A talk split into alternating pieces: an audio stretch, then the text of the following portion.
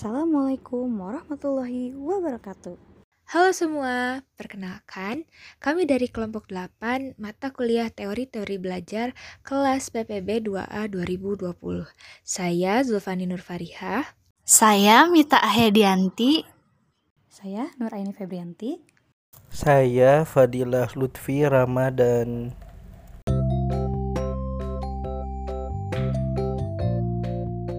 Alhamdulillah, pada kesempatan kali ini kami akan menyajikan sebuah podcast mengenai teori belajar Jen Piase yang berjudul Piase Teori.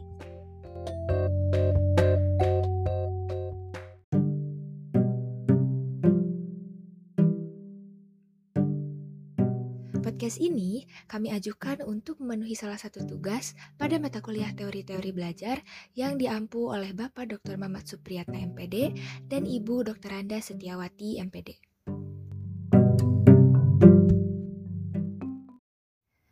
Pertama, kita kenalan dulu yuk dengan Bapak Piase dan bagaimana sih biografi singkatnya. Kali ini akan dijelaskan oleh Mita. Kepada Mita dipersilakan.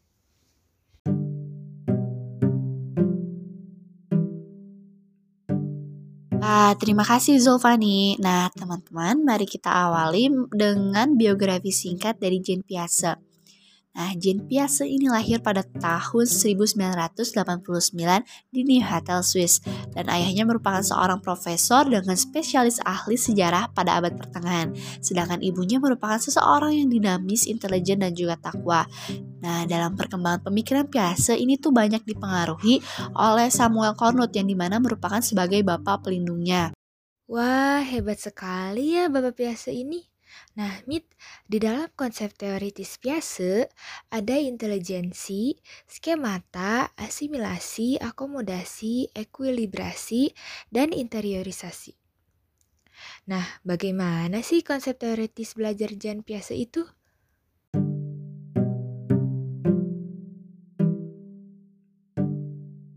Teman-teman, konsep teoritis dari Jean Piaget itu terdapat lima. Yang pertama, intelijensi. Apa sih intelijensi?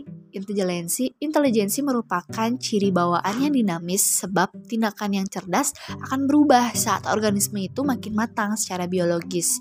Nah, teori Piaget ini berusaha mencari tahu bagaimana sih perkembangan kemampuan intelektual pada seseorang. Nah, yang kedua yaitu skemata. Skemata merupakan potensi umum yang dimiliki oleh organisme untuk bertindak secara tertentu. Misalnya skemata memegang. Nah, skemata memegang ini dapat dianggap sebagai struktur kognitif yang membuat tindakan memegang ini bisa dimungkinkan. Lalu yang ketiga yaitu asimilasi dan akomodasi. Nah, asimilasi ini merupakan proses untuk merespon lingkungan yang sesuai dengan struktur kognitif seseorang. Jadi, misalkan struktur kognitif itu uh, terjadi pada momen tertentu akan diasimilasikan oleh organisme itu. Lalu yang kedua yaitu akomodasi. Nah, akomodasi ini merupakan penyusunan kembali struktur pikiran karena adanya informasi baru sehingga informasi tersebut memiliki tempat. Lalu yang kedua ekuilibrasi. Nah, ekuilibrasi merupakan penyeimbang yang di mana tendensi bawaan untuk mengorganisasikan pengalaman agar dapat dapat mendapatkan adaptasi yang maksimal. Nah, yang terakhir merupakan interiorisasi. Interiorisasi ini apa sih? Merupakan penurunan ketergantungan pada lingkungan fisik dan meningkatnya penggunaan struktur kognitif pada seseorang.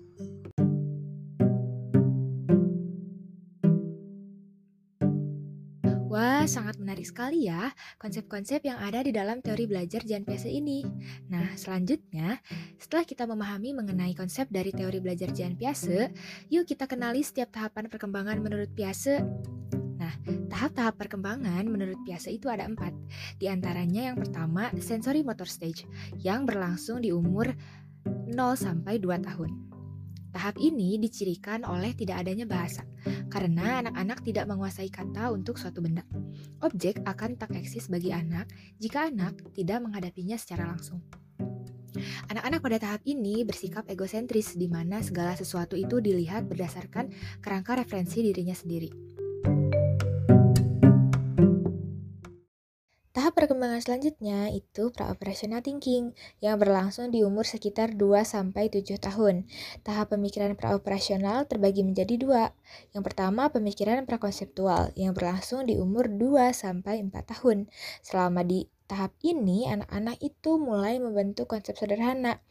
Mereka itu mulai mengklasifikasikan benda-benda dalam kelompok tertentu berdasarkan kemiripannya. Lalu bagian selanjutnya dari tahap pemikiran praoperasional adalah periode pemikiran intuitif yang berlangsung di umur sekitar 4-7 tahun. Nah, pada tahap kedua dari pemikiran praoperasional ini, anak-anak memecahkan problem mereka secara intuitif, yaitu bukan berdasarkan kaidah-kaidah logika. Ciri paling menonjol dari pemikiran anak pada tahap ini adalah kegagalannya untuk mengembangkan konservasi. Tahap perkembangan ketiga menurut Piase itu concrete operation atau operasi konkret yang berlangsung dari umur 7 sampai 11 atau 12 tahun. Anak kini mengembangkan kemampuan untuk mempertahankan konservasinya, kemampuan mengelompokkan secara memadai, melakukan pengurutan yaitu mengurutkan dari yang terkecil sampai yang paling besar maupun sebaliknya.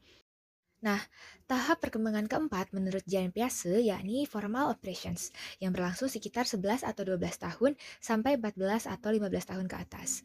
Anak-anak kini bisa menangani situasi hipotesis dan proses berpikir mereka tidak lagi bergantung hanya pada hal-hal yang langsung dan real. Wah, jelas sekali ya penjelasannya. Ternyata ada tahapan perkembangan intelektual pada manusia. Hmm, selanjutnya, kita akan membahas mengenai kondisi optimal untuk belajar. Nah, Nora ini bagaimana sih kondisi optimal untuk belajar menurut Piase itu?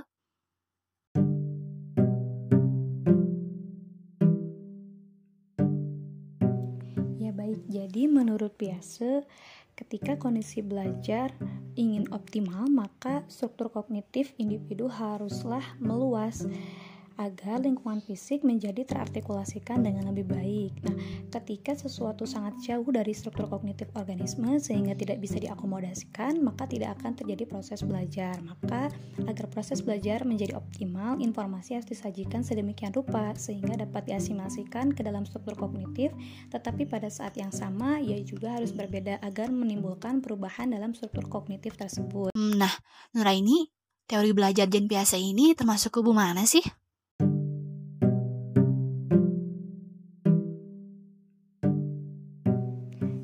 Tentu pasti bahwa biasa jelas bukan teori SR. Struktur kognitif menyediakan kerangka bagi pengalaman, yakni mereka menentukan apa yang dapat respon dan bagaimana ia dapat respon. Jadi, sudah tentu pasti bahwa biasa termasuk ke dalam kubu kognitivisme, yaitu membahas segala sesuatu berdasarkan struktur kognitif yang terjadi pada individu. Oh, jadi teori belajar Jian biasa itu termasuk rumpun kognitivisme ya? Nah, Bagaimana sih dengan pendapat Piase tentang pendidikan?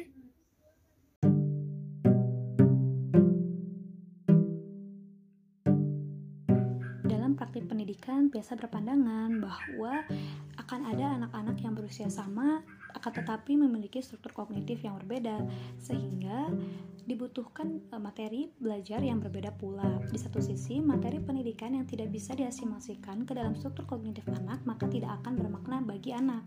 Jika di sisi lain materi bisa diasimilasikan secara komplit, maka itu juga tidak akan menimbulkan proses belajar. Nah, kita sudah banyak membahas nih tentang teori belajar jangan biasa ini. Maka dari itu, mari kita simpulkan. Jadi menurut biasa ini, anak dilahirkan dengan beberapa skemata sensor motor yang memberi keterangan bagi interaksi awal mereka dengan lingkungannya. Pengalaman awal si anak akan ditentukan oleh skemata sensor motor ini. Setiap pengalaman mengandung elemen unik yang harus diakomodasi oleh struktur kognitif anak. Melalui interaksi dengan lingkungan, struktur kognitif akan berubah dan memungkinkan perkembangan pengalaman terus-menerus. Nah, in, selanjutnya ini adalah interiosasi menghasilkan perkembangan operasi yang membebaskan anak dari kebutuhan untuk berhadapan langsung dengan lingkungan karena dalam hal ini anak sudah mampu melakukan manipulasi simbolis. Meskipun perkembangan intelektual adalah berkelanjutan selama masa kanak-kanak, Piase memilih untuk menyusun tahap perkembangan intelektual. Dia mendeskripsikan empat tahap utama, yaitu yang pertama sensor motor, di mana anak berhadapan langsung dengan lingkungan dengan menggunakan refleks bawaan mereka. Yang kedua adalah pro-operasional, di mana anak mulai menyusun konsep sederhananya. Dan yang ketiga adalah operasi konkret di mana anak menggunakan tindakan yang telah diintegrasikan atau pemikiran untuk memecahkan masalah dalam pengalaman mereka. Dan yang terakhir adalah operasi formal